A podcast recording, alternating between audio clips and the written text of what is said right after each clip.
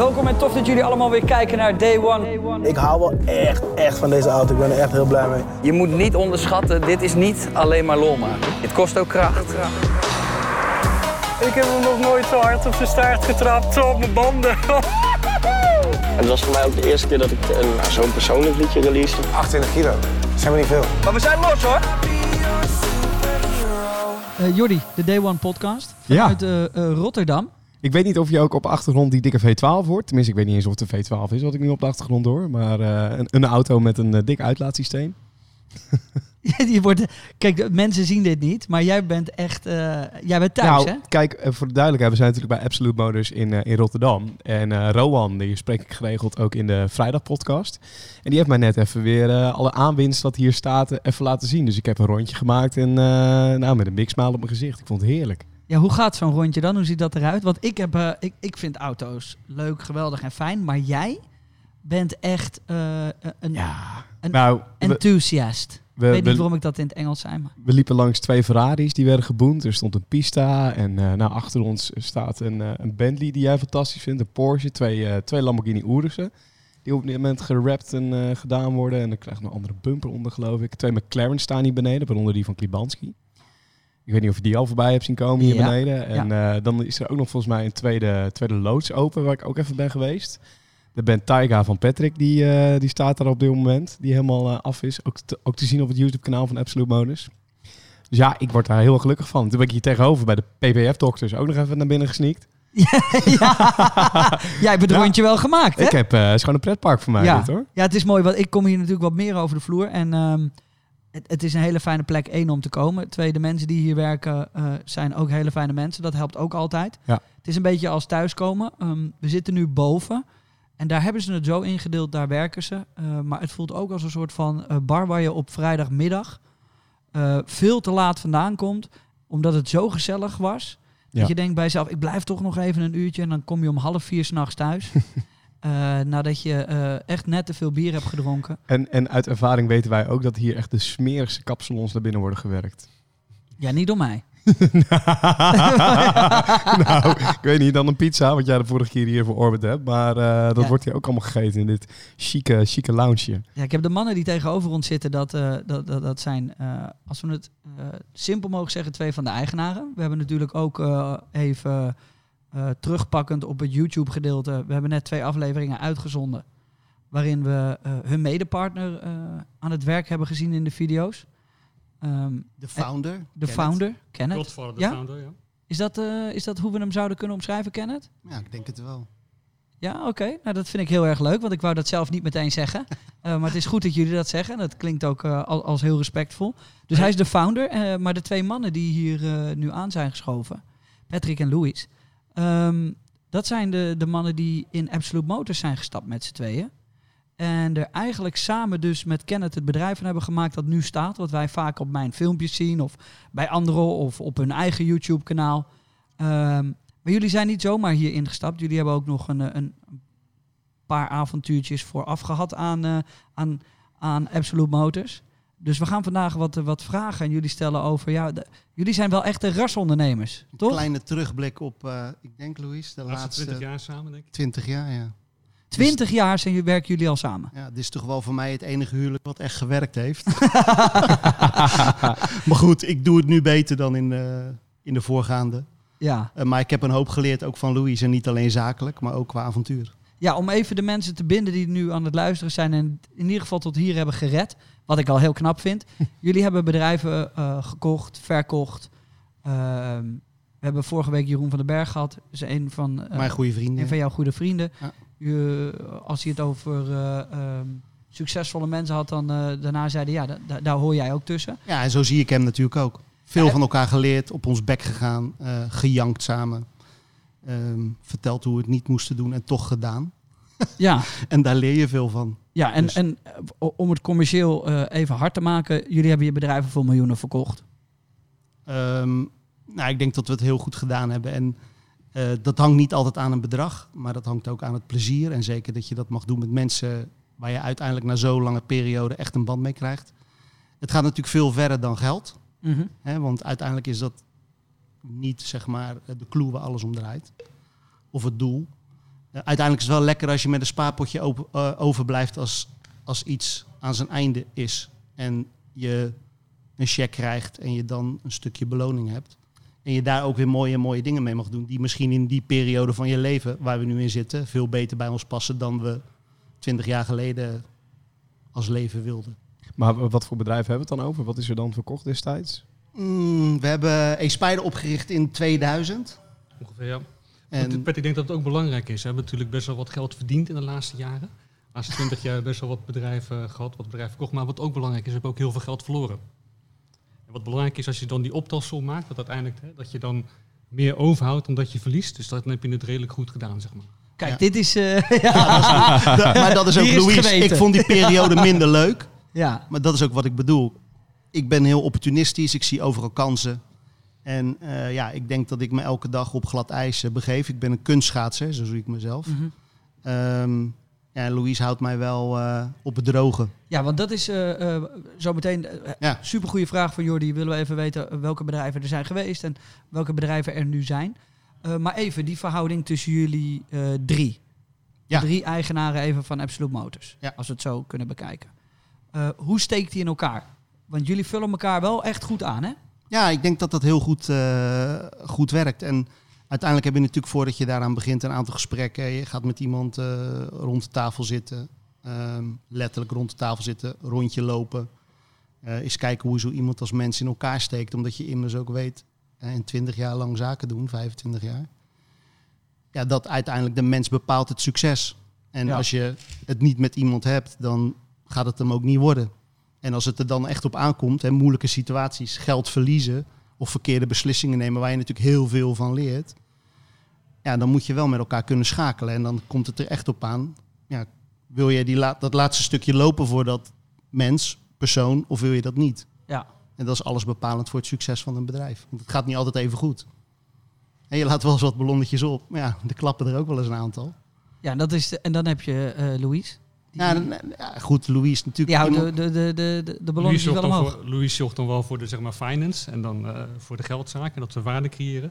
En jij, Pet, denkt dat jij meer op het zeg maar, persoonlijke vlak eh, zit. Hè? Jij hebt heel Ja. veel gevoel voor mensen en wat mensen raakt. En hoe je mensen kunt raken om daar nog meer uit te halen, zeg maar. Eh Kenneth is de godfather, hè? dus die is hiermee begonnen. En die heeft ook echt de visie om dit bedrijf groot te maken. En wat Patrick en ik doen, wij helpen hem daar dan bij, zeg maar. ja, coachen. Eh, en, eh, ook in financiën en ook in coachen. Maar ook hoe gaan we nu als bedrijf de volgende stap maken om echt groter te worden. Om echt te kunnen groeien. Om iets neer te zetten wat zeg maar schaalbaar is. Waarmee je waarde creëert. Ja. En dat is als je dan sec gezien jullie drie zou verdelen in wie doet wat. Hoe zou jij dat dan omschrijven? Nou, Ik denk dat we met z'n drieën alles doen. Ik denk dat Ken toch wel de ondernemer is, zeg maar, die 24 uur per dag hiermee bezig is. Ja. Eh, ik denk dat Patrick en ik daarnaast ook nog een aantal andere eh, dingen doen. Ik denk dat wij meer gericht zijn op zeg maar, hoe gaan we nu de randvoorwaarden zo instellen dat je als bedrijf echt kunt gaan groeien. Ja, er staat wel iets moois. Hè? Het is ook heel veel gegroeid als je naar vorig jaar kijkt. Maar het kan nog veel groter en veel mooier groeien. Maar wij zorgen ervoor dat we daar alle randvoorwaarden voor neerzetten om dat ook te kunnen gaan bewerkstelligen de komende jaren. Mm. Dus dan ga je kijken hoe ga je dan je team inrichten. Hoe zorg je ervoor dat de juiste mensen op de juiste plek staan? Eh, hoe zorg je ervoor dat je legal structure, zoals dat heet, dat je juridische manier van zaken doen eh, werkt en ook goed werkt, dat je dat ook kunt doorschakelen? Hoe zorg je ervoor dat je genoeg financiën hebt, dat je genoeg geld hebt? Hè? Want een van de problemen die groeiende bedrijven hebben, zeg maar, zeker jonge bedrijven, is dat die zo hard groeien dat ze door een cashflow heen gaan en dat ze eigenlijk te hard groeien en niet meer eh, hun rekeningen betalen kunnen. Herkenbaar? Ja, maar dat heeft natuurlijk elk startend bedrijf. Ja, is dat zo? Ja, ik denk elk succes startend bedrijf heeft problemen met het managen van cashflow. En dat is de grootste uitdaging. En het is ook het leukste. Hè, zoals Louis zei, eh, je verliest ook wel eens eh, wat centjes. Eh, en je kan ze ook maar één keer verdienen en uitgeven. En ehm, een goede reden waarom wij zeg maar, iets met Kenneth zijn gaan doen... is omdat deze jongen gewoon een visie heeft. Ik denk als mens goed in elkaar steekt... en ehm, hulp nodig had bij een aantal dingen die op het moment in de fase van Absolute Motors gewoon ja, alles bepalend waren. En dat is niet alleen geld, maar dat is ook gewoon handjes en, en brains. En ehm, kijk, als je natuurlijk als vriendengroepje Absolute Motors begint, ja, en dat bedrijf groeit snel, dan is er zoveel potentie in de markt daar heb je gewoon een goed team voor nodig om echt die markt naar je toe te trekken. En daar zitten we eigenlijk middenin. En moet ik dan Kenneth zien als die typische eh, creatieve guy die, die het hele idee had, het, het, weet je, wist hoe het vet zou worden en, en wat het gat in de markt zou zijn. En had wel jullie als twee nodig die dan inderdaad ook de brains daar achter, de, achter een goeie, goed bedrijf vormen. Of, Kijk, een bedrijf bouwen is wat anders dan een goed idee. Daar ben ik zelf natuurlijk ook wel achter gekomen. Ik ben denk ik een bedrijvenbouwer. Vooral met ideeën. En als een bedrijf groter wordt, heb je ook structuur nodig. ja. En ik denk dat dat is iets wat Louis gewoon heel goed snapt. En niet alleen juridische structuren waarbij je... En we hebben natuurlijk meerdere bedrijven gebouwd. Een daarvan is Aspire, dat hebben we wereldwijd gebracht. Is echt eigenlijk boven onze pet gegroeid. Ehm, meerdere keren kunnen verkopen aan echt grote partijen in die mobiele en internetbusiness. Niet gedaan. Met bewuste reden ook. Hè. Ehm, zonder namen te noemen, maar er is een club geweest die wilde ons kopen.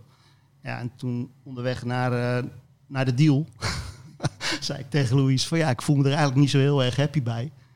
Ja, toen zegt hij, joh Pet, ja, weet je, als jij er niet lekker bij voelt, moeten we het niet doen. Nee, dat is bullshit. Nee, dat is echt Is waar. dit echt, Louis? Dat is echt waar. Ja, Absoluut. ja. Maar, maar zit er dan nog niet een andere reden achter waarom je het niet doet? Of gaat het echt puur om gevoel op dat moment? Nee, kijk, er zijn gewoon een aantal dingen. Natuurlijk, Ik bedoel, dit soort hele grote bedrijven. En dan heb je het een van de eh, top drie bedrijven in Nederland die mobiele diensten levert aan ons, aan de eindgebruiker. Ja. Ik ga geen namen noemen, maar ja, die hebben gewoon een track record waarbij ze bedrijven kopen dat helemaal kapot kroelen.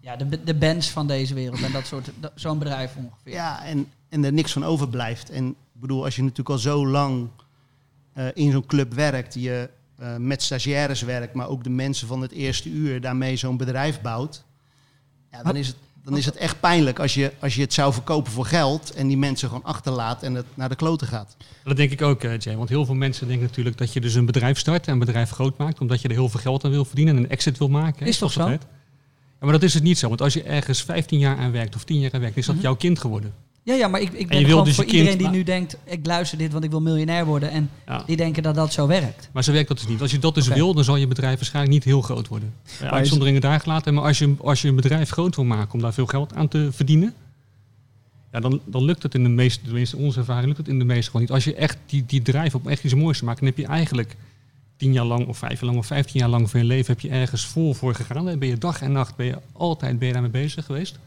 En dan wil je dat je kind dan goed terechtkomt. En dat je daar dan voor betaald wordt is dan een tweede. Dat is dan heel belangrijk, hè? maar dat is dan, een, dat is dan een tweede. Wat je wil is dat het bedrijf ook goed doorgaat, zeg maar. En dat goed doorgaan voor een bedrijf, dat is voor de meeste ondernemers denk ik belangrijker. Hè, dan dat je daar zoveel mogelijk geld uit weet, uit, eh, Ja, weet te halen. Maar daar zit toch ook wel een, ehm, een soort van lijn in. Dat je, oké, je verkoopt het voor iets waarvan je weet, dit is veel geld. Ehm, en daar voel je je dan nog lekker bij. Maar je zou het ook kunnen hebben dat je denkt, dit is zoveel geld dat ik ook echt geen andere kant meer op kan. En dat ik het moet verkopen. Die heb je toch ook? Nee, maar dat zijn keuzes. Hè? Ik, bedoel, ik denk dat iedereen er anders in zit. En dat ook voor iedere ondernemer anders is. Want als Eh, jij een miljard had, ik, dit dom, dom bedrag noem ik maar even op. Maar als jij een miljard had gekregen voor het bedrijf, dan had je geen seconde, dan had je een, waarschijnlijk een andere beslissing genomen, toch? Nee, ik denk het niet. Nee? Nee. Is dat dan ook niet een valkuil? Nee, maar ik denk dat geld een valkuil is. En ik denk niet dat je door geld gestuurd moet worden. Hè, Als dat je drijfveer is, uiteindelijk leidt dat niet tot succes. Of dat geld maakt niet gelukkig. Die is duidelijk. En En, dan zeggen de mensen die luisteren, ja, maar dat weet jij, want je hebt het. ja, maar ik maar kan, daarom- ook, ik kan daarom- ook daarom daarom zeggen dat het me niet gelukkig maakt. precies, Ja. Ja, ja, ja maar dat en, en daar ben ik later achter gekomen. Ik bedoel, ik zit hier niet voor niets. En ik denk dat ik ook heel veel geld aan auto's uitgegeven heb. Ja. Miljoenen. Ja. Ehm, maar ik ben er nooit echt gelukkig van geworden. Hè. Ik bedoel, ik heb ook voor het bedrijf eh, meerdere jaren in de US gewoond. En ja, dan had ik een autopark eh, hier in, eh, in Nederland staan of in België. eh, 14 auto's en daar reed ik amper mee. En dan kom je terug en dan denk je bij jezelf, ja Pet, wat ben je nou aan het doen man? En naarmate je ook ouder wordt, krijg je natuurlijk ook gewoon andere ideeën over het leven. En dat is wel heel erg mooi, want ja, zo'n bedrijf groeit met je mee of niet. En ik denk dat 20 jaar werken aan een bedrijf, ja, dat verkoop je niet aan een hele slechte moeder. Die een hele slechte track record heeft. Je laat je kind niet zomaar achterbij. Bij een iemand. junkie. Ja, nou ja, goed, dus ja. Ja, ja. Niet dat ik zeg het bedrijf jullie het aan hebben verkocht, dat Nee, nee, nee, nee. vergelijkbaar is met een crackjunk. Maar, Nee, maar het komt, weet je, het komt erop neer hoe je het is een compleet plaatje. Dus voel je je oké bij de waardering die je krijgt. En dat is een stukje geld. Eh, twee, is het plan wat zij hebben met dat bedrijf. Is dat een plan wat goed past bij onze visie, ons gevoel ook. En uiteindelijk ga je dan, dan verder in gesprek. En dan ja, is dat het wel of niet. En ja, weet je, we hebben meerdere... Als je twintig jaar natuurlijk echt noemenswaardige business aan het doen bent met de grote mobiele operators in de wereld. Hè, je ging echt, als kleine jongens gingen wij de hele wereld over met een rugzak. Verkochten we onze diensten. En dat ging echt om hele grote bedragen. En dat heeft de wereld ook gewoon veranderd. En daardoor leer je ook die partijen kennen. En dat wil niet altijd zeggen dat je dan, ja, daar kan je zaken mee doen, maar zo'n dienst verkopen aan zo'n bedrijf of zo'n bedrijf verkopen aan zo'n grote speler wil niet altijd zeggen dat het het grootste succes is, omdat zij groot zijn en geld hebben. Ik denk dat we toch nog wel even wat, wat meer moeten uitleggen wie Patrick en Louis zijn. Omdat ja, we, hebben ze hier natuurlijk, we zitten hier nu bij Absolute Modus in Rotterdam. En, en mensen weten dat, dat Patrick en Louis dat misschien zijn. Of die horen dat nu samen met Kenneth. Maar eh, misschien ook nog wel goed om te vertellen dat jullie meer doen dan Absolute Modus, toch? Tenminste, Ja. dat weet ik van Patrick. Ik, Louis ken ik dan nog niet zo goed. Maar, Maar wat, wat doen jullie naast Absolute Modus? Wat doe jij, Patrick, naast Absolute Modus? nou, ik ben vader, ik heb een dochter inmiddels van 18. Is ook een bedrijf Ehm, op zich. Redelijk essentieel. Dat is Nee, misschien het grootste bedrijf. Eh, ja, denk ik wel inmiddels. En mijn grootste investering, denk ik, in het leven. Nee, maar eh, Jay, wij zijn altijd heel open en eerlijk geweest. Zo zijn we Ja. ook bevriend geraakt. En ehm, ja, weet je, ik ben Patrick en eh, ik ben ondernemer. Ik denk dat dat ook het enige is wat ik kan. Ik sport veel en dat is ook, denk ik, de affiniteit die ik samen met Jay heb. Ik denk dat ik een persoon ben die zeker mijn schouders onder dingen kan zetten. Ik doe ook meerdere dingen tegelijk. Ehm, ja, weet je, wat ben je? Je bent ondernemer, je zit in meerdere bedrijven. Eh, ik heb vaak een visie. Ik weet ook welke kant het op gaat. Ik ben een verbinder, een bruggenbouwer. En dat is mijn job. En is Absolute Modus dan het bedrijf wat nu daar het meeste aandacht in krijgt? Of wat, wat de meeste tijd opslokt, zeg maar, van, ja, van nu op, op dit moment wel. En het is misschien ook wel leuk om te vertellen hoe, hoe dit ontstaan is. Ja. Ehm, nou, wij verkochten e-Spider eind 2018. Er waren ook andere mensen bij betrokken. Het is niet alleen Louis en ik het werk, maar we waren met z'n vijven. Uiteindelijk is dat door een fusie eh, gekomen. Louis, daar was ik eerst klant bij. Eh, wij maakten alle infrastructuur zelf. Louis had een deal bij een mobiele operator om minuutjes eh, te weten mogen verkopen. Die waren ook aandeel in zijn, aandeelhouder in zijn bedrijf. En toen kwam Louis met het eh, idee van, joh, eh, we gaan die, samen, die bedrijven samenvoegen. En dan gaan we er één groot bedrijf van maken. En ik dacht van, ja, Louis is hartstikke leuk. Maar ik vind jou gewoon eigenlijk een beetje een eng mannetje. Weet je wat Jordi met mij heeft? Maar dat gaan- en nog steeds. en dus ik zeg tegen Louis, ja, maar dat gaan we niet doen. Terwijl dat eigenlijk hij wel echt een supergoed idee had. En uiteindelijk is dat zo, heeft dat zo plaatsgevonden, ik denk in 2014.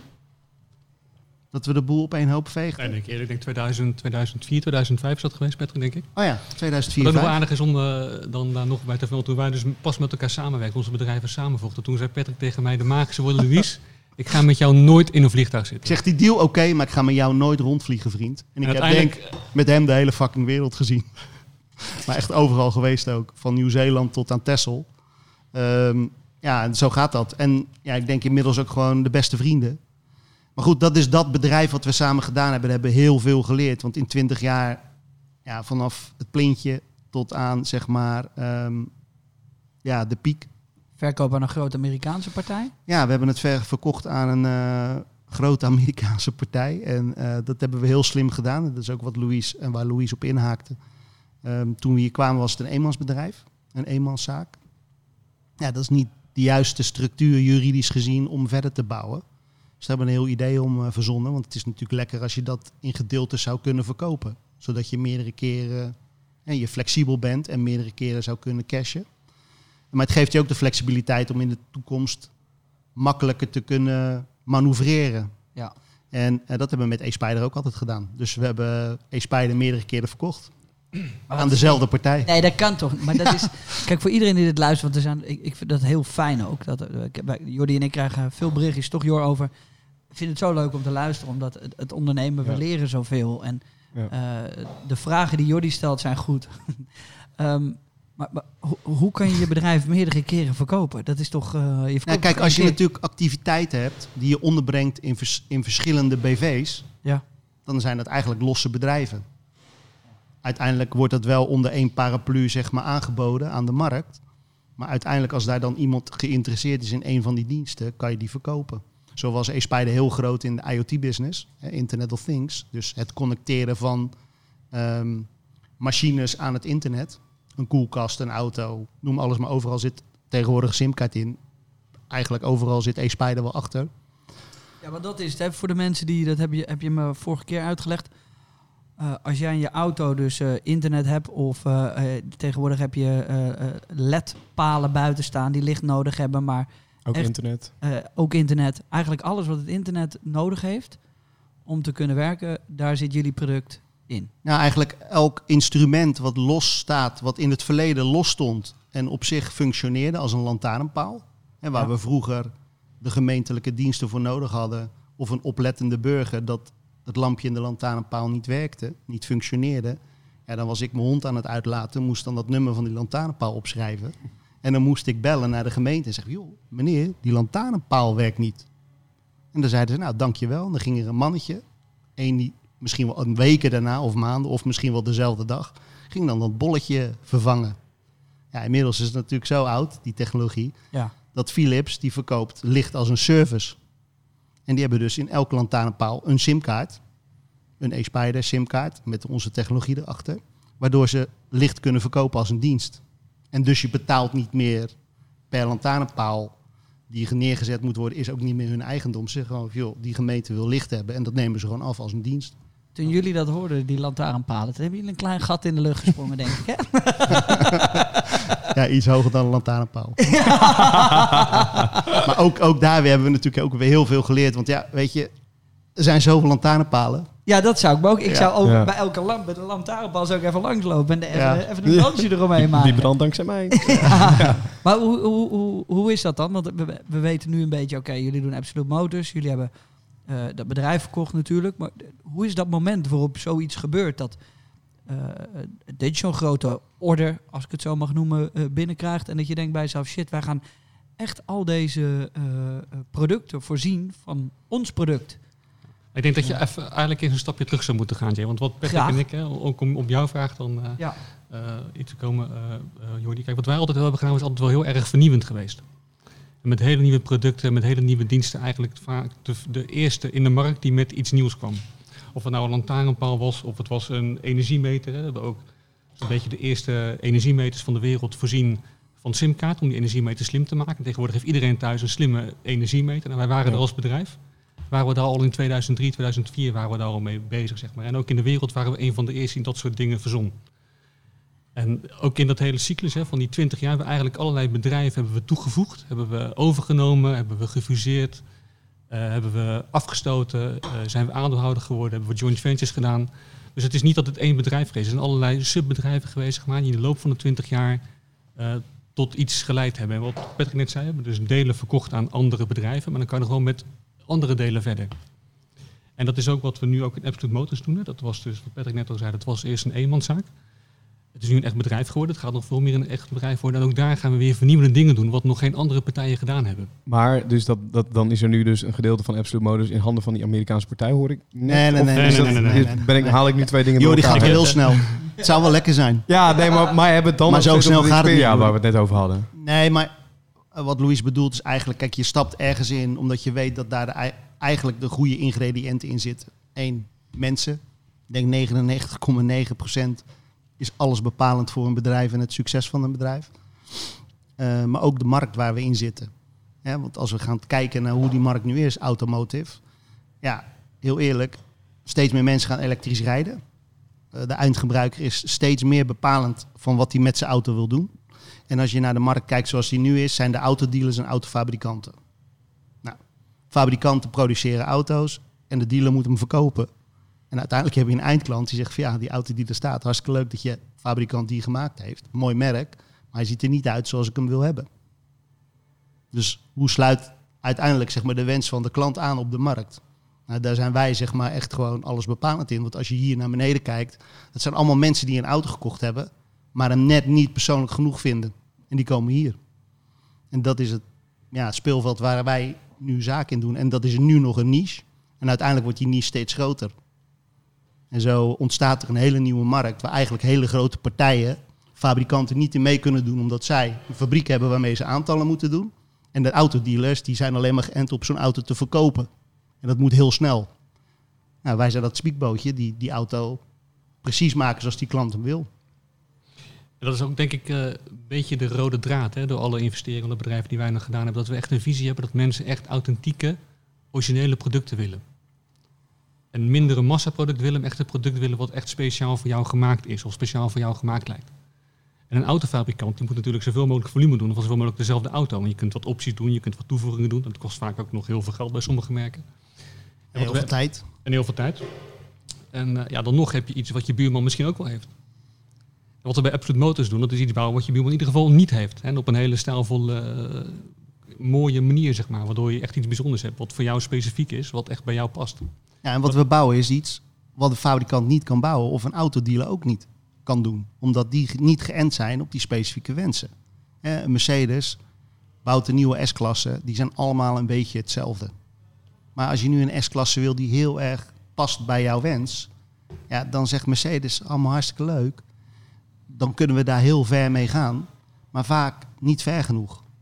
Maar je hebt natuurlijk ook dealers die auto's moeten kopen omdat ze ook een heel speciaal type willen kopen, een limited edition. Nou, dan krijgen ze zo'n limited edition en ze krijgen nog een aantal van die andere hokken. Even heel oneerbiedig. Maar zo is het, die krijgen ze erbij. Nou, die wordt ergens of in de garage of op het terrein gezet. Willen ze natuurlijk wel vanaf. Dus wat gebeurt er? Dan bellen ze ons. Hè. We hebben een goede relatie met Van Mossel, met, met Lauwman. Noemen ze allemaal maar op. Die bellen ons en die zeggen, ja, weet je, ik heb een klant voor die auto. Die wil een andere kleur, die wil andere wielen, ander interieur. Nou, noem dat hele lijstje maar op. Wij zijn gewoon dat spiekbootje. En daar heb je ook een heel ander DNA voor nodig. En dan moet ik het ook voor me zien dat ik bijvoorbeeld straks hè, in de toekomst, eh, weet ik veel, een, een BMW in Groningen koop bij een BMW-dealer. En dat, ik, dat die dealer al weet van, eh, je moet naar Absolute. Of wij, wij brengen die wagen naar Absolute. Dus dat dat straks bij de alle grote aanmerken bijvoorbeeld een standaard dienst gaat worden. Ja, en dat is wel waar we heen willen. Ja. We willen echt een bedrijf bouwen. Een bedrijf wat gewoon betrouwbaar is, wat volume kan doen, wat kwaliteit levert. En dat is het proces waar we nu middenin zitten. En we, we werken met mensen, dus er gaat nog wel eens wat fout. En ehm, kijk, dan, dan wordt het natuurlijk straks een groot bedrijf. Eh, is, dan, is dan het ook het gevaar dat de kwaliteit minder wordt? Of dat er minder aandacht is voor het product? Omdat je dan toch met, met meer massa gaat werken eigenlijk? En, en- Nee, kijk, dat is. Kijk, eh, tuurlijk is dat altijd iets wat best wel gevoelig ligt. Hè? Je wil snel groeien, maar je wil ook kwaliteit waarborgen. Maar dat is echt, bij ons staat kwaliteit gewoon voorop, bovenaan. En dat is gewoon geen discussie. Nee. En tuurlijk gaan er wel eens dingen fout en de klant is wel eens niet tevreden, maar dat lossen we altijd gewoon op. Het is niet zo dat hè, als de klant niet tevreden is, dat we de deur dicht doen. Maar je zit ook in een markt waarbij er heel veel spelers zijn, maar echt niet spelers zijn zoals Absolute Motors nu is. Hè, ik bedoel, we zijn echt een bedrijf aan het bouwen. Dat doen we de komende jaren. Hè, er zit een meerdere jaren visie achter en plan. En eh, wij denken dat er in deze markt gewoon heel veel ruimte is voor een partij zoals Absolute Motors. En, en hoe kan het dan dat Absolute Motors daarin nu, nu de beste lijkt te zijn? Of de beste is dan? Eh, Komt dat, ja, wat, wat, Nou, wij, pre- ja, we pretenderen natuurlijk niet dat we de beste zijn. Ik denk dat we wel van ons laten horen. En dat op gewoon een hele sportieve manier. En dat doen we via samenwerkingen, zoals we dat met Jay doen, eh, met Day One. Ehm, ja, dat doen we op een leuke manier. Dat past heel goed bij ons. Hè. Gewoon passie voor dat wat we doen. Dat is eigenlijk ook de basis van alles. Als je het met je hart doet, ja, dan kan je het eigenlijk niet fout doen. En als het dan toch fout blijkt te zijn, dan kan je het ook uitleggen. Ja. Want eh, dat is naar mijn idee wel de remedie. Ik denk dat hier allemaal mensen werken die reten hun best doen. Maar ze maken wel eens een foutje. En ehm, ja, daar lopen we niet voor weg. En dan wordt dat gewoon netjes opgelost. En dat is ook wel iets wat niet heel erg gekend is in deze branche. Want het zijn vaak bedrijven die eenmanszaak ergens in de loods. En dan gaan we weer niet oneerbiedig. Maar er is behoefte aan echt een bedrijf waar we zakelijke klanten kunnen helpen. Uiteindelijk privéklanten kunnen helpen, maar ook bedrijven kunnen helpen om grote volumes te doen. En vorig jaar was er een hit met de e-tron. Ja. er waren er een aantal eh, hele mooie Club Blauw gesproten. Foutje, denk ik. En toen kwam ehm Pon naar ons toe en die zei van ja, ik heb allemaal van die dingen staan. Maar ja, die raak ik aan de straatzijde kwijt. kan je even een andere kleur rappen. Maar ja, goed, dan vinden ze ons toch als een soort van oplossing. Ja. En dan doen we dat. En uiteindelijk, doordat we die relatie gewoon op een goede manier opbouwen, creëer je daar ook weer een stukje nieuwe markt mee. Ehm, wat, wat zie jij überhaupt nu, zeg maar, qua kwaliteit van de auto's die de, de, de garages uitrollen bij aanmerken? Want eh, nou, iets wat ik ook bij jullie veel voorbij zie komen, dat zijn splinternieuwe auto's. Die komen rechtstreeks vanaf de dealer of vanaf de garage zelfs hier naartoe.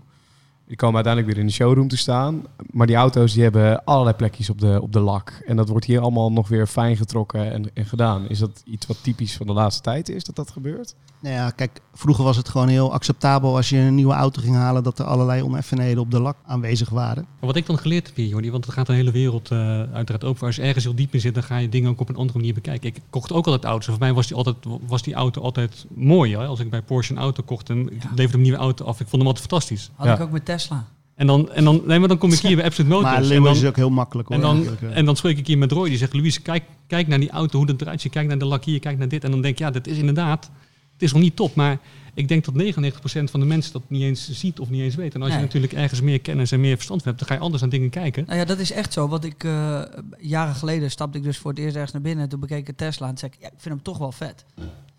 En, ehm, en de detailer hier helemaal hier binnen, Ja. die haat het. die heb ik ervan. Die zegt, Jay, moet je, dan kom ik binnen en er staat een Tesla of iets. Die moet je dit weer eens zien.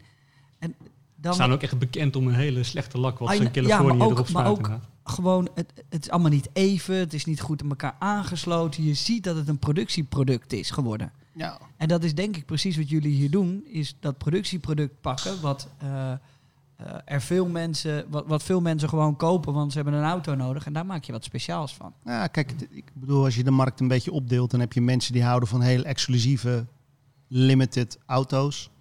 Ehm, ja, ik had natuurlijk zelf ook nooit verwacht dat ik Tesla zou rijden.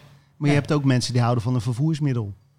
Ja, en dan is Tesla gewoon bij uitstek het beste wat er op dit moment is. En ook nog elektrisch. Nou goed, we wonen in Nederland, dus tax-wise ook nog hè, voordelig. Eh, en je kan er hele leuke dingen mee doen. Als je mijn Tesla ziet, is gewoon echt een hele hippe auto. En ik ben er echt blij mee. Maar jij hebt ook een best wel dikke. Ja, dankjewel Jay. Dankjewel Jay. Ja. Deze klinkt heel vreemd. Geen foto's nu van dit moment. Nee, nee, nee. nee, nee. Nee, maar dat klopt Jay. Kijk, eh, maar mensen die het als vervoersmiddel zien, die willen misschien ook iets unieks. Hè, er zijn eind 2019 volgens mij, wat is het, 35.000 in het laatste kwartaal Tesla's verkocht. Nou, dat is niet omdat ze allemaal zo mooi zijn, maar gewoon puur omdat het natuurlijk die bijtelling eh, naar 8% ging. Ja, dan eh, voelen Nederlanders zich wel eh gerushed, geroepen, ja, om, om zo'n ding te halen. Zo was het ook. Ik ga een Tesla halen. Ja, dan, maar dan zijn we er weer. Je kunt ze volgens mij in vijf kleuren kopen, Pet, of zes kleuren, Ja, ik of acht weet niet. kleuren. Maar die, die, Weinig lak, is, opties die lak is dan vaak niet helemaal goed, omdat ze moeten voldoen aan allerlei milieueisen en milieunormen. En dan, dan, dan moet het een hele dunne, speciale lak zijn die dan niet zo goed is. Maar dan heb je nog steeds dezelfde auto's die je buurman waarschijnlijk ook heeft. Mag Iets ik, ander kleurtje misschien. mag ik ondertussen wat vragen? Jullie hadden hè, van alle bedrijven die jullie hadden kunnen kopen of kiezen nadat jullie eh, vorige bedrijf hadden verkocht, hadden jullie alles kunnen kiezen. Hè? Het maakt niet uit wat. En jullie kiezen de autobranche. Allebei Ja, wel autogek, denk ik. Ja, dat is passie. Ja? Ja, ik denk als ik, als ik terugkijk naar mijn eh, periode als kind, dat was niet de meest makkelijke. Maar goed, dat zegt elke ondernemer. Ik denk dat dat ook echt de basis is van, hè, ben je die vechter die door wil bijten en, en ook echt wil doorpakken. Want ja, bedoel, je hebt ook nog wel eens dingen die niet eh, gaan zoals je verwacht. Ehm, maar ik heb altijd passie gehad voor auto's. Ik ben er altijd mee bezig geweest. Ik begon in een Peugeot 106 XSI. Ja. Ja, en toen ging het even niet zo goed met E-Spider. Toen reed ik er een nootje 5. En toen had ik een lidmaatschap van de ANWB. Want die had ik echt nodig. Want, ik, want ik haalde niet van Rotterdam naar Woerden. Want dat ding stopte er gewoon mee in Capelle of zo al. Dus ja, weet je, die tijd hebben we ook gehad. Ehm, ja, leuk. Ehm, en, en als we dan terugpakken naar die cashflow, hè, waar, waar Jay net ook al over had. En, en ik hoor Jay ook wel eens over zeiken over, over geld en over aanslagen, belastingen en geneuzel. Hoe voorkom je dan toch dat je daaraan ten onder gaat, bij wijze van? Is dat dan toch door, door de hulp in te schakelen van een investeerder of door toch beter te kijken naar, naar, je, naar je cashflow, naar je financiën? Of ja, Nou ja, in dit geval met Absolute was dat gewoon een goede mix tussen een lening bij een bank. Hè, wat is extern geld van een bank. eh, waarmee je kan groeien. En daar ligt natuurlijk gewoon een gedegen businessplan en ten grondslag. En daar is Louise gewoon de master in. Een relatie bouwen met een bank. Hè, want die moet vertrouwen hebben in jou als ondernemer, maar ook in je plan. En die moet je ook gewoon stapgewijs meenemen in alles wat er gebeurt binnen je bedrijf. Dat is natuurlijk best wel lastig. Ja. Want je legt een plan neer. Eigenlijk willen ze al weten de komende drie jaar hoe gaat het. Maar als ondernemer weet je eigenlijk dat wat je schrijft over drie jaar niet meer klopt. Dus hoe neem je ze nu mee? Want je hebt die mensen wel gewoon nodig. En wij hebben altijd gezegd van ja, weet je, ongeacht wij wat geld verdiend hebben, eh, willen we ook gewoon dat er een gezonde situatie is binnen Absolute en binnen alle bedrijven waar we nu eh, in participeren. En dus een banklening is daar gewoon een onderdeel van. Een relatie met een bank is daar onderdeel van. En ehm, cashflow manager, ja, dat is iets waar Louise heel goed in is. Ik, eh, Dus- Dus Jordi, wat, je dan, wat we eigenlijk iedere maand doen, is we maken iedere maand maken we een planning. Of sorry, we maken iedere maand hebben we een actual versus forecast, zoals het heet. Dus je maakt een planning wat je in het jaar verdiende gaat per maand. Ja. En iedere maand ga je meten, oké, hoe ver zitten we daar dan nu vanaf? En als je dat iedere maand doet, iedere maand met het team samen zit en kijkt hoe zijn de cijfers en hoe presteren we, wat gaat er goed, wat gaat er fout, dan kan je bijsturen. En dat een van de klassieke fouten wat heel veel ondernemers, vooral kleinere ondernemers, hebben, dat die eigenlijk geen inzicht hebben in de bedrijfsvoering behalve hun buikgevoel. En het buikgevoel zegt het gaat goed, want we hebben heel veel klanten en we worden populair en er wordt veel naar ons gekeken, we hebben veel likes, whatever. Maar in de kern gaat het dan vaak niet goed of je ziet niet hoe goed het daadwerkelijk gaat. En zeker als je geld nodig hebt van een bank of van een investeerder, die moet inzage hebben hoe, hoe jouw financiële positie nou daadwerkelijk is. Ja. Dus een van de dingen wat we hier ook eh, ingevoerd hebben, Absolute Motors, we kijken gewoon iedere maand naar onze cijfertjes. Dat is misschien heel, heel saai, maar dat is wel bekijken van hoe goed draai je nou echt, want je, want je gevoel is goed. En er komen heel veel klanten, je maakt best wel wat omzet. Maar hoe gaat het nou echt daadwerkelijk met je cijfers, met je maandelijkse eh, omzet, met je maandelijkse kosten? Ja, want dit zie ik als, als ondernemer bijvoorbeeld ook. Is een, een idee is goed. Eh, en dat het idee uitgewerkt wordt, is ook leuk. Dat het idee een succes is, is echt nog veel beter. Ehm, dat je daar creatief alle kanten mee op kan, is fantastisch. Maar dat zegt nog niet dat je genoeg cashflow hebt om alles bij te houden. Het zegt nog niet dat je fantastisch goed aan het verdienen bent. Het zegt eigenlijk nog heel weinig, het idee.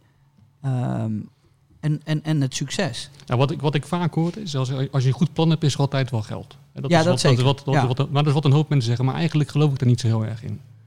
Want als je een goed plan hebt, dat is maar de helft of misschien minder dan. Wat nog belangrijker is, is de ondernemer daarachter.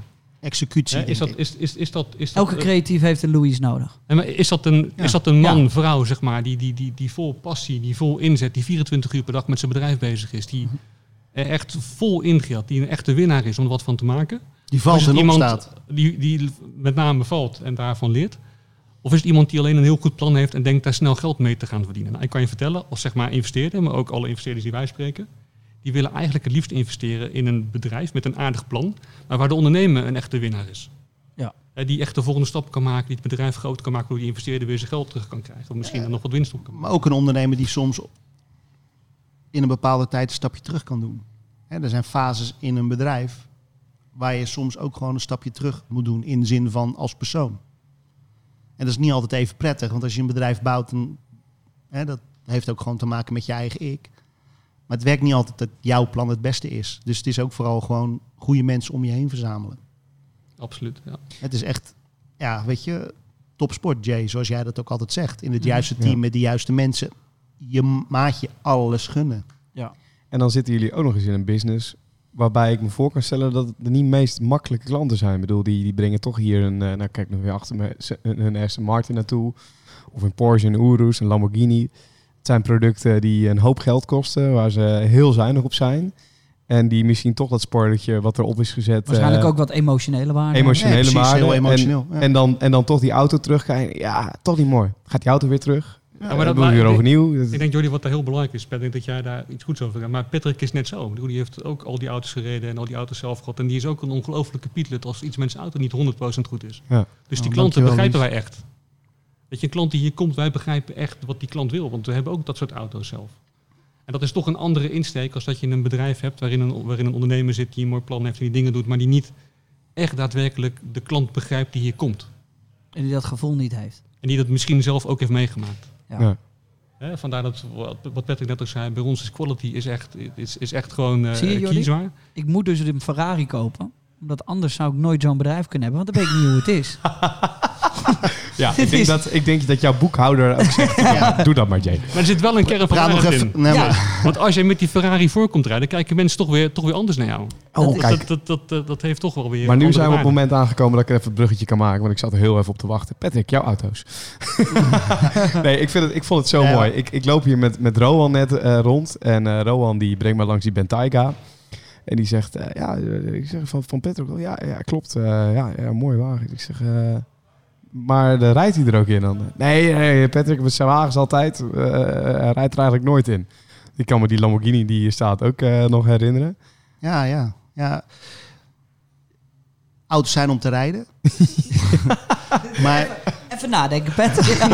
Ja, hoe ga je Nee, maar- nee, maar eh, ja, ik denk dat dat iets is waarbij ik mijn eigen ook gewoon altijd aangeleerd heb om toch een beetje nederig te blijven. En ik me een beetje, ja, misschien wel niet helemaal op mijn gemak voel met zo'n dikke bak te rijden. En Ik heb het ook het idee dat we de helft van jouw, jouw autocollectie niet kennen, nee, geloof ik. nee, ja, dat klopt. En dat wil ik ook graag zo houden. En ik doe het ook echt voor mezelf. Ja. En wat je hier ook ziet, veel mensen, weet je wel, in Nederland is een lastig land als het gaat om hele dikke wagens. Zeker. En ehm, ja, dat vind ik jammer. Ehm, het zegt ook niks over de persoon in een auto. En Nee. ehm, ik vind die auto's heel erg mooi en die koop ik puur voor mezelf. En ehm, ik vind het heel fijn dat ik dat kan doen. Daar heb ik ook heel hard voor gewerkt. En ik wil dat niet aan iedereen uitleggen. Oké, mag ik dan wat... eh, mag ik dan een, een, een, een klein steekje doen? Mhm. Ehm, jullie hebben wel klanten die eh, auto's hier inleveren waarvan de auto de hele identiteit is. Of in ieder geval een groot gedeelte van de identiteit is. Hoe kijk je daar tegenaan dan? Nee, maar iedereen heeft zo. Iedereen doet mee in deze rollercoaster die het leven eh, genoemd wordt. En iedereen zit in een andere fase. Zo kijk ik daarnaar. En met veel respect. Want ik denk dat veel mensen nog vroeg zijn in het spel van het leven. En mensen, en neem dat wat Jeroen ook zei. Uiteindelijk leer je door dingen te doen. En uiteindelijk door te doen krijg je ervaring. En naarmate je ouder wordt, leer je ook waarderen wat je echt belangrijk vindt. En uiteindelijk is dat niet een auto. Eh, dus vandaar de Tesla. Lekker incognito. Nee, maar dat, zo is het. Incognito. En eh, ik kijk er heel graag naar. Ehm, ik vind Nederland ook niet echt een land waar je lekker kan rijden. Je mag 100 km per uur. Dus wat moet ik met al die auto's? Eh, ik kijk ernaar. Ik ga op een stoeltje zitten. En op een zondagmiddag na het hardlopen dan... eh, ja, leuk. Dat is ook tof. ja, is echt Ja, top. ja, ik kan ik daarvan ook. genieten. En ehm, ja, daar heb ik altijd van genoten op die manier. En als ik ze een keer los wil laten, dan eh, laat ik ze ergens neerzetten en dan eh, ga ik los. En, en hoe zit dat met Louis? Qua auto's. Ja? Porsche toch? Ja, ik, ik ben wel iets rustiger met auto's geworden. Maar van, eh van Pet en van mijn collega's hier bij Absolute Motor moet ik weer wat anders kopen binnenkort. Dus, eh, Ja, kijk, weet je wat met Louis Die is? Taycan toch? Ja, Ja. maar, maar daar hebben we hem nu ook al van afgeholpen. Nee, Kijk, nee, maar weet je wat een goede relatie is? Dat je naar elkaar luistert. Dus ik luister naar Louise en Ja. Louise luistert soms ook naar mij. Dat is Ja. fijn. Ik weet nog wel dat ik mijn eerste Porsche 911 Turbo, Turbo, kocht bij. Porsche Amsterdam. Ik stond daar bijna met tranen in mijn ogen. En Louise was echt zo fucking blij voor mij. Weet je, dat is ook gewoon mooi om te zien. En Ja. we gaan heel ver terug, dus dat is leuk. En we zeggen nog wel eens, hè, we kijken elkaar aan, weet je nog, dat moment bij A-Point. Porsche, Rot, Porsche Amsterdam. Amsterdam, ja. En ehm, ja, goed, weet je, ik besefte me ook niet dat ik dat kon kopen. Hè? En ehm, ja, dat deed ik toen. Dat ding stond daar in de garage. Ja, ik ging er als kleine jongen naar binnen. Ik was bij Telfort geweest voor een meeting. Ik denk van ja, weet je, ik ben nu toch in Amsterdam. Ik ga er even naartoe, even kijken. ja, dan loop je daar zo naar binnen en dan voel je je eigenlijk een beetje opgelaten. En dan denk je, ja, ja al wel mooi zeg. En dan stiekem kijk je, ja, meneer, wilt u koffie? Ehm, ja, ja, doe maar dan. Weet je, echt zo was dat dan nog. En nou, dan kwam er een, eh, een verkoper en die zei van, joh, eh, ja, eh, goedemiddag, ik ben die en die en hoe heet jij? Ja, ik, ik ben Patrick, kan ik je misschien ergens mee helpen? En dan zei ik gelijk, nee hoor, kijk even rond. Weet je, ja. Ja. En zo prikte hij eigenlijk een beetje door me heen. En die dag heb ik toen die 911 Turbo S gekocht. En uiteindelijk heel veel plezier mee gehad. En toen zei Louise, ja, maar als je hem gaat halen, gaan we samen, hè? Nou, gingen we samen. En uiteindelijk van dat moment heeft Louise eigenlijk ook altijd Porsche gereden. En de laatste jaren eh Porsches met het logo van Porsche, maar niet echt de Porsche. Dus hij moet weer in een Porsche. Ja, Een ik rijd echte? dus zo'n eh, ja, SUV eh, e-hybrid eh, Cayenne. eh, Ja. Dus dat is, eh, voor mijn collega's vinden dat niet een echte auto. Ja. Maar wat gaat het nu worden? Nou, met mijn achternaam kan ik eigenlijk maar één auto rijden die ik eigenlijk eh, heel vaak gereden heb. Dus dat is 911 Carrera, dat is eigenlijk mijn auto. Dus dat, eh, Achternaam? die komt er wel een keer terug. Carrera. Oh, echt? Dat wist ik niet eens. Oh. Grappig. Je hebt je goed ingelezen, Jordi. Ja. hey mannen, ehm, we hebben het even over auto's gehad, ondernemen, alles erop en eraan. Zijn er echt momenten geweest dat jullie dachten, shit, we gaan de boot in? We hebben echt nu een fout gemaakt. En hoe gaan we hier ooit bovenop komen? Ja, meerdere keren denk ik. Ja, kijk, zoals je al zei, van, het is ook natuurlijk eh, waar je het meest van leert, is als het even niet goed gaat. Heb je, e- ja? De- Ja, echt? veel geld verloren, Jay. ja. Tientallen miljoenen. Ja, Amerika was echt een hele mooie, eh, heel mooi avontuur, maar daar, eh, ja, daar ga je ook gewoon keihard op je bek. Maar hoe zit je... Als je, je Zo'n dag, hè? Hoe gaat dat? Dat je dan... Nou ja, kijk, het is niet een dag, het is een periode waarin je terechtkomt. Ja. Waar een aantal dingen gewoon, eh, vooral denk ik dat het dan toch op mensen aankomt, waarbij mensen eigenlijk onverwacht hun afspraken niet nakomen. En ehm, zeggen iets te doen, maar dan echt het tegenovergestelde doen. Waardoor je eigenlijk gewoon ehm, ja, keuzes moet maken en dan denkt van joh, ik ga niet mijn hele zi- eh, zeg maar schip afzinken, maar ik zink alleen Amerika af. En ehm, ja, zo hebben we dat gedaan. Maar ik ken dit verhaal niet. Jullie, volgens mij ken jij dit verhaal Amerika. Maar ik heb het idee dat onze luisteraars ook niet helemaal het idee hebben wat hierachter zit. Nee, goed, wij namen een bedrijf over in de US. Even heel hoog over, want het is niet, ook niet echt heel erg chic om daar namen bij te noemen. Eh, daar hebben we hele duidelijke afspraken gemaakt met allemaal juristen en doen. En nou, dan maak je afspraken die uiteindelijk niet nagekomen worden. En dan ja, moet je gewoon, eh, hoe net zeggen ze dat, achter het net vissen. Ja, en het meest trieste was dat het ongeveer na een maand of zes was. Ja. Dus we hadden zo een soort historie, dat je al 15 jaar allemaal bedrijven doet en dingen doet. En alles wat je doet, dat lukt dan eigenlijk. Ik, nou, dit lukt dan ook. Dus we hebben heel veel geld geïnvesteerd om een Amerikaans bedrijf over te nemen. Dat was eigenlijk heel snel dat het dan de andere kant uit ging. En daar, eigenlijk is dat wel, de- denk ik, voor ons zakelijk de meest zware periode geweest. Maar ook de meest leerzame periode geweest. Hè, waardoor je weet dat A, niet alles wat je doet lukt. Dat denk ik heel belangrijk. Hè, want vaak als je dingen doet en het lukt, dan denk je dat je eigenlijk alles kunt. Maar zo werkt het niet in een mensenleven. Dus ook wel goed dat je dan weer met beide voetjes dan weer op de grond staat. Maar ook dat je weet hoe dingen ook verkeerd kunnen gaan. En wat ook een hoop mensen denken is dat in Amerika als je failliet gaat dat dat erbij hoort. Dan kan je vertellen dat dat... Als je geen geld hebt, dan is het misschien dat dat erbij hoort. Maar als je wel geld hebt, dan gaat iedereen achter je aan om nog wat te kunnen halen. Te halen. Dus het is net Ja? even anders dan dat het hier in Nederland gaat. Dus best wel een hele stressvolle periode geweest. hè. Maar veel van geleerd. En ik ben er heel blij mee nu. Hoe, hoe kom je uit zo'n donkere periode dan? Sporten. Ja, knallen, rammen, eh, sporten, ja. Je Ja? Kop, ja, je kop legen en even tot jezelf komen, je tot jezelf keren. Kijken in de spiegel en kijken of dat je nog steeds de gast bent waar je Ja, want je ooit in ego, geboren bent. je ego loopt ook best wel een deukje op. Ja, maar als je ik- maar succes dat, dat denk dat dat juist goed is, Jay. Dat je dus niet denkt dat je alles kunt en dat alles wat je doet lukt. Dat je ook weet, niet alles wat je doet lukt. Is dat en dan- soms ligt het ook aan jezelf, soms ligt het aan de buitenwereld. Ik denk dat het vaak ook aan jezelf ligt. Dat je misschien zelf dingen niet helemaal goed gedaan hebt. En dat is denk ik heel erg gezond, want dat is wat, wat Pet net ook zei, daar blijft ook een stukje nederig door. Hè, Dat je niet denkt dat het allemaal maar goud is wat er schijnt en het alles maar lukt. En eh, Jeroen van den Berg, daar hadden we het natuurlijk vorige week ook met hem over. Die heeft onder een roltrap geslapen. Die heeft uiteindelijk eh, in een Ja, zo, diep, staakerving... zo diep zijn wij nooit gezakt. Nee, maar die heeft uiteindelijk in een staakerving gewoon met een Ferrari voor de deur en dergelijke. Die heeft gewoon ook punten gekend. Maar die zegt nu ook, ja, mocht het morgen weer gebeuren, dan eh, ja, prima, overleef ik het ook wel. Dan kan ik het gewoon aan hebben en dan eh, verkoop ik alles en dan eh, beginnen we weer bij nul. Is dat bij jullie ook zo? Ja. Het gevoel? Ja, dat Maar dat, dat, dat zijn dus ook dan winnaars. Ja. Jullie, die er uiteindelijk er wel weer bovenop komen. Die misschien heel erg diep vallen, maar die komen uiteindelijk er wel weer bovenop. Want die hebben een levenshouding, een levensattitude waarin dat soort dingen gebeuren kunnen. En dat je toch weer kunt surviven. Dat je toch weer Maar dan heb ik het dus ook over weer jullie. Toch? Ja, ja, Dan- kunnen jullie dat ook. Kijk, niet zo diep gezakt. Is misschien ook een beetje vergezocht. Kijk, iedereen heeft zijn, iedereen heeft zijn verhaal. Elke ondernemer, elke persoon, iedereen heeft zijn verhaal. En het is natuurlijk, ja, veel ondernemers zeggen, ja, maar ik heb een hele moeilijke jeugd gehad. Ja, het kan allemaal wel waar zijn. En natuurlijk, we hebben het allemaal wel eens lastig. Het leven gaat niet over rozen. En als je je daarop concentreert en naar iemands verhaal luistert, dan is dat soms best wel hard. Ja. En ik denk ook dat je door de, ja, door de meest eigenlijk oncomfortabele periodes in je leven het mooiste mens wordt. Ja, dat is, dat is wat ik me altijd voor probeer te houden. Ik probeer altijd comfortabel te worden in het oncomfortabele. Ja. Want dan weet ik dat ik, eh, eh, ja, dat, dat, dat, dat, ik voor, dat ik vooruit kan. Ja. Dat zelfs wanneer het echt kut is, dat ik gewoon oké ben. Weet je? En, dat, Precies, dat- ja. en dat, dat vind ik, dat, daar probeer ik mezelf echt in te gooien. En dat heb ik vaak vind ik dat helemaal niet leuk. Eigenlijk vind ik dat nooit leuk. Ehm, en vaak gebeurt het ook niet expres. En is het meestal op het moment waarop je het, het helemaal niet wil. Confronteer het en ook Ja, altijd, en het ja. niet goed uitkomt. Ja. Ehm, maar dan, dat heb ik dus geleerd ook in de sport. Eh, comfortabel zijn op de meest oncomfortabele momenten. Want het is heel makkelijk om comfortabel te zijn op de comfortabele momenten. Precies. Natuurlijk, want dan wil iedereen je vriend zijn. Ja, Eh, Ik bedoel, en ja, weet je, Jay, wij kennen elkaar eh, wat beter. We hebben veel met elkaar gesproken, ook over het leven. En jij vertelde mij vroeger van, ja, weet je, mijn pa stuurde mij naar Engeland. Zonder een euro of een gulden. ja. En ik ging daar gewoon eh, bij een eh, gezin. En eh, ja, was gewoon rock bottom. Ja. En dat heeft je eigenlijk gemaakt wie je bent. En elke keer kan je daar ook weer op terugvallen. En ik denk dat elke goede ondernemer wel dat soort periodes in zijn leven gehad heeft.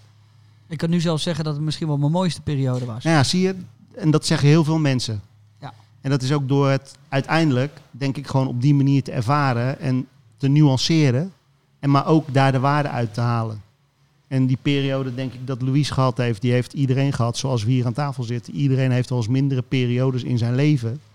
Die soms keihard zijn, die niet direct alleen met jezelf te maken hebben, maar ook met mensen waar je echt veel van houdt. Ja, dat is natuurlijk gewoon in zo'n situatie heel erg lastig.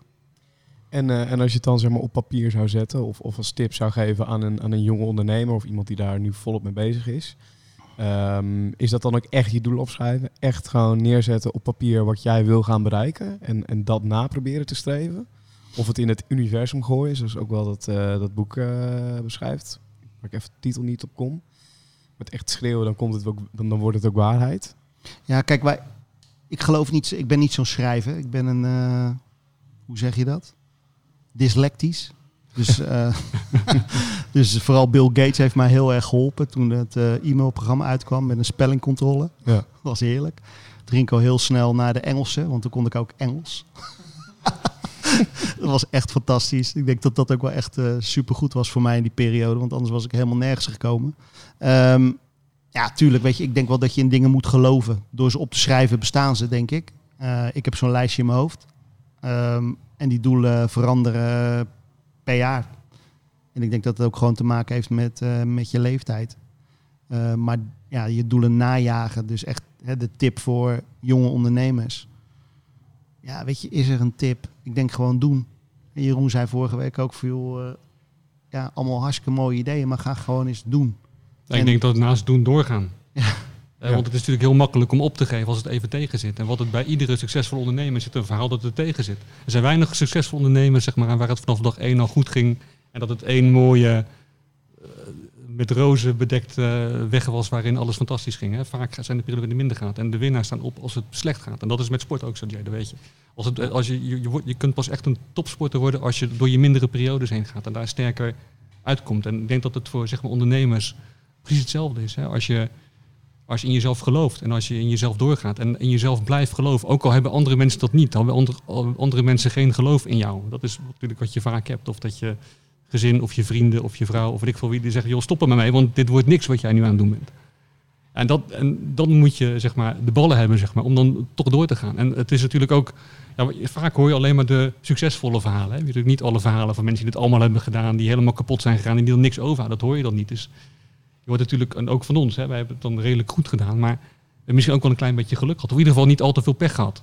Ja, maar ik, wat ik ook merk is dat mensen ehm, in deze tijd ook eh, jonge ondernemers vaak onrealistisch zijn. Ja, ik denk dat heel veel mensen heel, Snel veel, heel geld. erg snel willen. Snel ja. geld, snel Ja. geld met een idee waarvan ik denk, ja, maar eh, ja, hier, heb, je hier, eh, heb je hier echt over nagedacht? Mm. En, dus- en dan krijg ik meestal te horen, ja, maar ja, als iemand niet in mij gelooft, dat betekent niet dat ik niet succesvol kan zijn. Nee, eens. Kijk, ik heb... eh, eh, toen wij het eind 2018 verkochten, ben ik gelijk doorgepakt. En eh Louise die was een huis aan het bouwen in Spanje. En ehm, dus ik zei tegen Louise, joh Louise, laat mij mijn ding doen. We komen elkaar wel weer tegen. We wisten gewoon dat we iets samen nog gingen doen. Ik vond het ook belangrijk om niet weer in die business te blijven hangen. Ik kende de hele wereld wel, dus ik wilde echt iets anders. Dus ik kwam terug naar Nederland en ehm, ja, ben toen met een aantal dingen ge- begonnen die ik gewoon leuk vind. En eh, ik denk dat dat ook gewoon de basis is, weet je, waar je gewoon ziet dat je niet alleen en vaak wat je ziet is dat mensen hele nieuwe dingen willen ontwikkelen, maar er is ook gewoon een bestaande markt. Hè. Wij zitten ook in het ijs. Iedereen lachte me uit, maar toen ik vroeger een ijsje ging halen met mijn oma in Hilversum, of dat ik nu een ijsje ga halen, er is niet heel veel veranderd in die wereld. Er is een ijskraampje of een ijswinkel. Iemand staat in die bak te scheppen, die doet het op een horentje. Maar er is totaal geen beleving. Eigenlijk die zintuigen die een mens heeft, die worden niet geprikkeld. Dus ik vond het wel. Ik ben een ijseter, dus dat is sowieso eh, belangrijk. En, ehm, maar ik vond het wel leuk om eens te kijken van ja, wat kan je nu in die wereld veranderen? Hè? Wat Ja, de ijsmaker hebben we ja, het over, hè? De, de ijsmaker, ja. Ja. En ehm, nou goed, dat zijn we inmiddels aan het uitrollen. Eh, we zijn ook in gesprek om dat versneld te doen. Oké, als we even er de, de, de, de, er doorheen gaan. De ijsmaker, daar stap je in. En wat verander je dan waardoor je denkt, nou, dit kan, hierdoor zou het wel een eh, succes kunnen zijn? Nou, vaak zijn het, vaak zijn zeg maar mensen die een ijszaak hebben, komen uit een hele andere wereld qua hersenen dan dat wij komen. En daardoor denken wij ook heel anders. Wij denken vernieuwend. Hè, Dus wij zijn met technologie begonnen binnen een ijswinkel. We hebben hele grote schermen. Eh, daarop laten we allerlei dingen zien. Eh, die zijn digitaal, die kunnen we op afstand aansturen. Dat doen we samen met een partner. Ehm, en die faciliteren die technologie aan ons. En daardoor leren we eigenlijk gewoon wat er in zo'n winkel gebeurt. En met dat wat gebeurt, daar gaan we een datamodel eh, op ontwikkelen. Zodat we weten hoeveel klanten hebben we welke dag. Het is 30 graden buiten, waarom verkopen we wat minder ijs? Het is 28 graden, waarom verkopen we heel veel vruchtijs? Hoeveel mensen hebben we in de zaak gehad? Hoe hebben we die mensen naar het scherm gekeken? Want daar zitten ogen in. Al dat soort dingen. Dat is natuurlijk een beetje waar wij vandaan komen, technologie. Die implementeren we in zo'n winkel. En dan proberen we in zo'n winkel met geur, met dat wat mensen zien, waar een product vandaan komt. En wat Louise ook al zei, mensen willen eigenlijk gewoon een heel authentiek eh, product. Dus ook smaak. Dus je ijs moet goed zijn. En dan is het gewoon die hele beleving rondom het ijs. En als je goed ijs verkoopt in de winkel, kun je dit ook online verkopen. Dus daar zijn we nu die stap ook aan het zetten. En dan denk je, ja, lastig, ijs verkopen.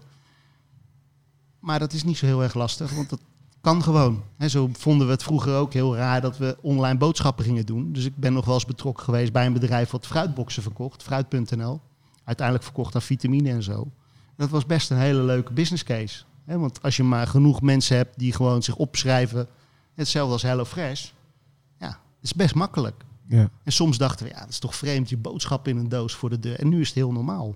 Ja, ik vind het zo grappig. Ik vraag me dan af hoe dit ontstaat. Jij loopt door het centrum heen of zo en jij ziet een ijswinkel en jij denkt dat kan beter. Of, Nee, het ontstaat als volgt. En dat is wel leuk om ook even te vertellen.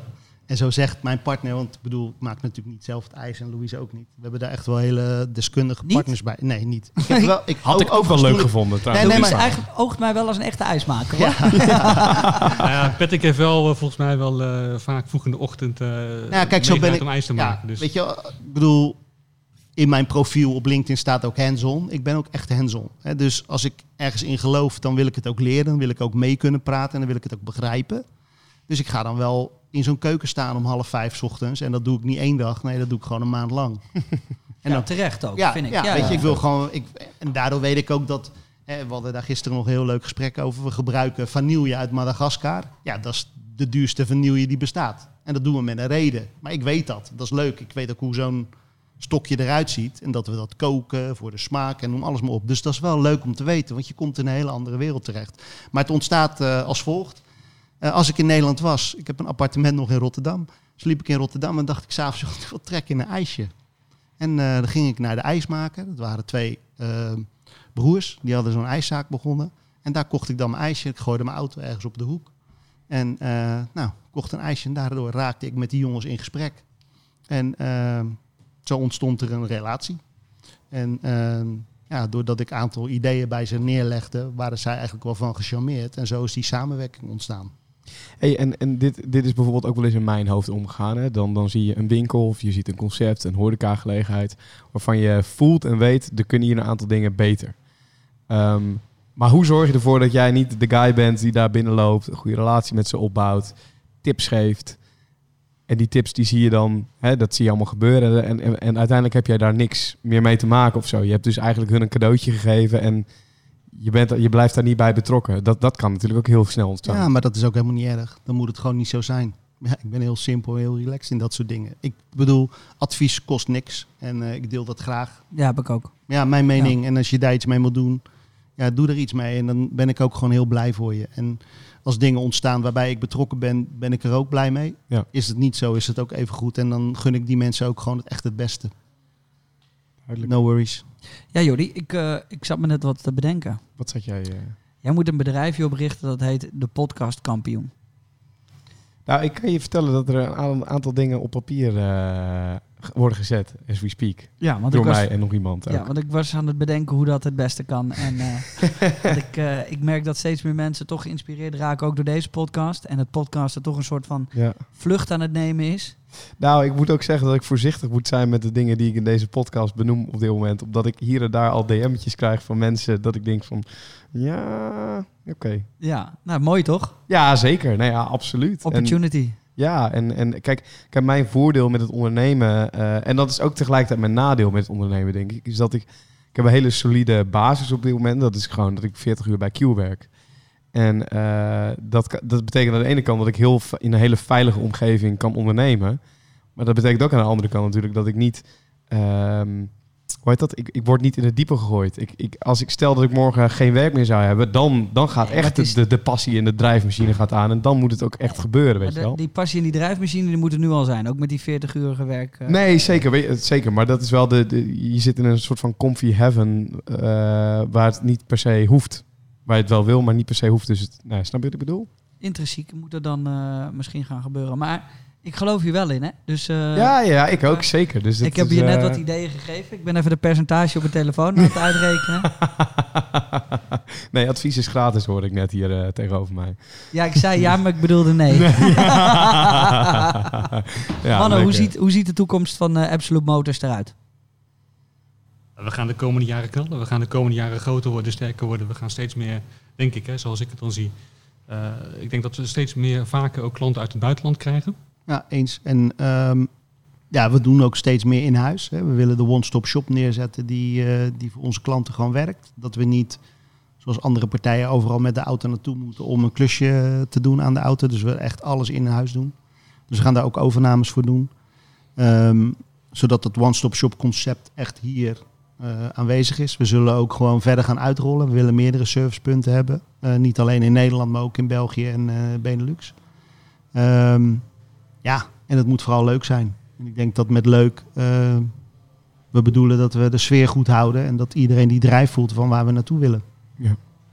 Dus, Ja. Hebben jullie nog advies voor Jordi's podcast, kampioen BV? maar, maar, maar is die dat al niet? Ja, een soort Hoe sta, je, hoe sta je ervoor? Ja, goed. Nee, ja, ik ga er niet te veel over, over uitweiden in deze podcast. Omdat het het grootste gevaar is dat dat, hè, dat hele e-book idee bijvoorbeeld ook, dat, dat loopt ook. Maar ja, daar ga ik ook nog niet te veel over zeggen. Dat is ook het gevaar ervan. Als ik daar Maar niet- Jordi gaat ook wel lekker, hè? Ja, ik maar zie hem hier nog binnenkomen, vind- hoor, die tijger. Ik ook, maar ik vind het ook raar dat hij het een gevaar vindt. Jongen, een goed idee. Het is gewoon eh, de wereld ingooien. en Eh, het zelf zeker, zeker, zeker. Daar ben ik mee bezig. Maar een goed idee is ook zo gestolen. Oké, Ja, nou, we, dat- we- we gaan het zien. Dat is niet altijd even... Ja, waarvoor zou het toch niet moeilijk moeten zijn? Er, zullen, er is toch een plek voor meerdere goede ideeën? Dat is waar, dat is waar. Nee, er, er, er speelt genoeg, maar daar gaan we het nog wel eens over Hij hebben. heeft een paaltje in zijn handen, horen we al. Nou, misschien wel, ja. ja. Jordi en ik gaan beneden nog heel even wat auto's bekijken. Eh, we gaan nog even hier rondlopen, want wij zouden hier de hele dag rond kunnen lopen. Ja, wa- wat ik me trouwens nog wel afvraag, Oh, hè? Eh, misschien een laatste vraag of zo. Ehm, de, die, de wereld van auto's verandert. En eh, soms wordt er ook wel gezegd, ja, die kut elektrische wagen zit geen geluid in. En dan reageert iemand anders van, ja joh, wend er maar aan. Want dat is wel waar, naar, waar we naartoe gaan. Je hebt alle milieuregels, die gelden op dit moment ook voor de autofabrikanten. Eh, uitlaatsystemen die steeds zachter klinken, allerlei filters die ertussen komen. Is er een moment waarop Absolute Motors daar ook last van gaat hebben? Want nu kunnen hier gewoon die ja, uitlaatsystemen onderweg getrokken worden. En dan wordt er gewoon eentje ondergezet waar geen... eh, OPF onder zit bijvoorbeeld. ja, een nieuwe precies. regel. En Nou ik, ja. ik, ik denk dat wij, er eerder, dat wij er eerder voordeel van hebben, Jordi. Ja. Maar, ga je, maar mm, er, er komt niet straks een instantie, dezelfde instantie die hier in Nederland zegt van ja, hallo, dit nou voor onzin, weet je wel? We zitten eh, in de, in de fabriek, moet alles streng. En eh, vervolgens kan Absolute Motors kan het allemaal onderweg trekken en eh, de milieuregels zijn ineens weg. Nee, dat klopt. Maar dan moet je dus als Absolute Motors moet je dus zo, zeg maar, flexibel zijn en zo mee kunnen veranderen dat je met die markt meegaat. En als je al een bestaand bedrijf bent met een bepaald volume, kan je veel makkelijker veranderen als je die wil hebt, om daar dan in, in te spelen. Ja, In ieder geval veel makkelijker als Ja. een nieuw bedrijf wat daar dan net in gaat beginnen, gespecialiseerd op elektrische auto's bedoel ik dan. Ja oké, ja, che- check op elektrische wagens. Ja. En wat, wat we nu zien, we krijgen ook steeds meer Model 3's krijgen we binnen en andere auto's die we... Ik denk dat het voor jullie eh, heel erg lekker is als Big dat gaat gebeuren. Ja, toch? Ja. Zeker, ja. ja, ik maak me daar niet zo heel erg druk om. Nee. Eh, En je zult altijd nog wel zeker, mijn mening in ieder geval, Pet, weet niet of jij erover denkt, maar ik denk zeker de komende 10, 15 jaar zal je nog steeds die exotische auto's hebben. de Lamborghinis en eh, de Ferraris en Ja. eh, de bijzondere Precies. En of, of, het En, eh, elektrisch er is. blijven wel benzineauto's. En of ze vliegen of whatever. Het maakt allemaal geen reet uit. Nee, dat denk ik ook. Dat denk ik ook. Mooi hè, dat we over tien jaar dan dit terugluisteren en dat we er helemaal naast zitten. Weer, ja. Ja, dat zou ik zo mooi vinden. Ik, wil- ik wil er wel een wetje op leggen hoor. Ik ga sowieso, het weet je niet met jullie Nee, aan, want dat doet niet. mij meer pijn dan, eh, Ja, ja, ja, dan Nou, jullie. eh, een setje sneakers dan. Misschien een mooi bruggetje ook nog. Ja, ja, wat de, de, de, de- een setje Nou. van True Sneakers dan? Ja, Ik, hoor. ik weet niet hoor, maar ik heb het idee dat hier setjes sneakers eh, staan die duurder zijn dan die. eh maar maar daarachter Martin zit ook een leuk verhaal. Tuurlijk zocht ik dat bruggetje, Jay. Maar ja, ja. luister jij en ik als sneakergek. Ja. eh, sneakerheads. ehm, dit is echt een leuk verhaal. Ik Ja, want altijd- even voor de mensen Ja. die, die aan het luisteren zijn alleen. Eh, we, we zitten hier en da- daarachter heb je een, eh, een muur. en Daar, daar hangen allemaal sneakers. Of die staan in, in plastic cases. Eh, dit zijn sneakers van tussen de ja, 300 en eh, 3000 euro. Ja, vijf en een half. Ja, 5,5? Ja. Oh ja, die Travis misschien? Nee, die rode. Oh ja, je hebt gelijk. Ja, je hebt gelijk hier, die Ja. Off-White. Die, Ligt een beetje aan je maat. Ja. Ja. En het is powered by True Sneakers, want daar zit je ook in. Ja. Zitten Eh, jullie ook in? Samen Ja. nu inmiddels. Ja. Ehm, nou goed, weet je, dit is wel een leuk verhaal. En het is natuurlijk gewoon hoe je tegen dingen aan kan lopen. Ik kocht altijd sneakers bij Verano. Mhm. Die was toen al met True Sneakers begonnen. Eigenlijk van origine eh, is Verano opgeleid als accountant. Zo ziet hij er echt niet uit. Nee, absoluut niet. Nee. Nee. En eh, dus eh, ik stelde ook de brutale vraag van joh, Ver, ehm, ja, wat vind je nou echt leuk? Wat, wat is je plan? Ja, hij bracht bij mij altijd sneakers en ehm, ehm, dat deed hij zo vaak dat ik eigenlijk ook gewoon met hem een soort van band kreeg. En ik vond het gewoon een fijne vent. En eh, gesprek met hem aangegaan. Toen zei hij van ja, ja, ja, eigenlijk wil ik dit wel verder uitbouwen, Pet. Zo, eh, zo gezegd, eh, zo gedaan. En inmiddels is het een bedrijf. Ehm, Dat serieus veel sneakers doet. dat serieus veel sneakers doet, ja. Echt hele exclusieve sneakers. En dat is ook weer gewoon... Ja, Verano is iemand die het niet in eerste instantie voor het geld doet. Hij is inmiddels vader geworden, dus het leven wordt al wat serieuzer. Maar deze jongen heeft gewoon passie voor sneakers. En ik denk dat daar eigenlijk alles mee begint. En als je die jongen dan een beetje faciliteert, op de goede manier helpt... Ja, dan kan hij gewoon een heel mooi bedrijf bouwen. In een markt die natuurlijk gewoon... Ja, Booming is. ja, booming. Het is ongelooflijk wat er gebeurt. Het schijnt eh, naast wijn, ehm, wat werd er nou nog meer gezegd? Rolexen. Ja. Hè? eh, een van de betere investeringen te zijn. Ja. Ik begon er al heel vroeg mee, dus zo gek was ik nog niet. Maar die Lidl sli- slippers niet hoor. Nee, die zijn van, eh van Kenneth ook. Dus het was, als, was als schijntje.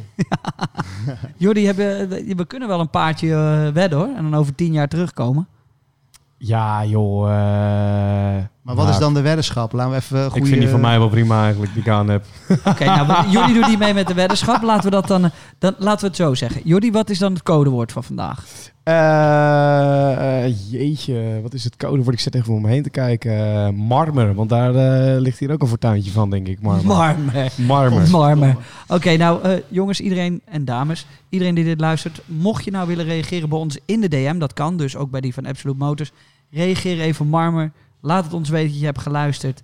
Het is weer een codewoord waarvan ik denk, moet het, maar ja, prima. maar dat zijn we dus vorige week zijn we dat codewoord vergeten. Hè? Dat krijgen we dan ook weer in onze DM geschoteld. Ah, ja. Dus, Jordi eh, moet er zelf ook om lachen hoor, eigenlijk. Ja, Ja, ja, ja. Joh, dan mogen we hem nu, denk ik, officieel afsluiten. Ja. Ik heb wel een verzoekje. oké. Kan het in Drents?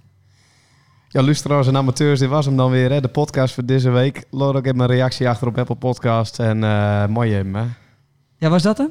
Dat was hem. Wil je hem dan even in het Nederlands doen? Oké, laat even een recensie achter op Apple Podcast. Vijf sterretjes, dat zou eh, leuk zijn. Comment erbij en eh, volg ons even op Spotify. En dan zijn we er gewoon volgende week weer. Volgende week ook echt een toffe gast hoor. Ik ga hem nog niet verklappen. Maar eh, dat is ook eentje die heel veel is aangevraagd via... Heb je, nog, heb je nog een favoriete podcast waar de mensen eventueel naar zouden willen luisteren als ze deze hebben geluisterd? Ja, je hebt ook Day One Vrijdag. Ja. of bedoel je eh, buiten onze Nee, je, podcast? mag, je om? mag ongegeneerd ook je eigen Nou, ik podcast vind even dat... eh, rammen. nou ja, Day One Vrijdag natuurlijk moet je altijd even checken. Gewoon verschillende onderwerpen. Maar ik vind eh, Milan Knol vind ik ook eh, lekker bezig zijn de laatste tijd. Knolcast. Ja. Die gaat ook... het is, toffe gesprekken, toffe gasten. Hij heeft weer Kai. een hele andere... ja, Kai Gorgels Kai natuurlijk ook Gorgels, hele goeie. Vind Ja, ik want het leuk, is een beetje leuke te- gesprekken. Een beetje te veel concurrent, hè? dus die moeten we niet te veel benoemen. Nou, Ja, ik maar weet- concurrenten bestaan niet, hè? Nee, Nee. dat is waar. Nee, Kai, Kai ook eh, serieus. Nee, nee, leuk we weten, ik, heb, ik weet nu hoe het zit. Dat Jordi. was hem weer. Hey, 3, 2, 1, outro.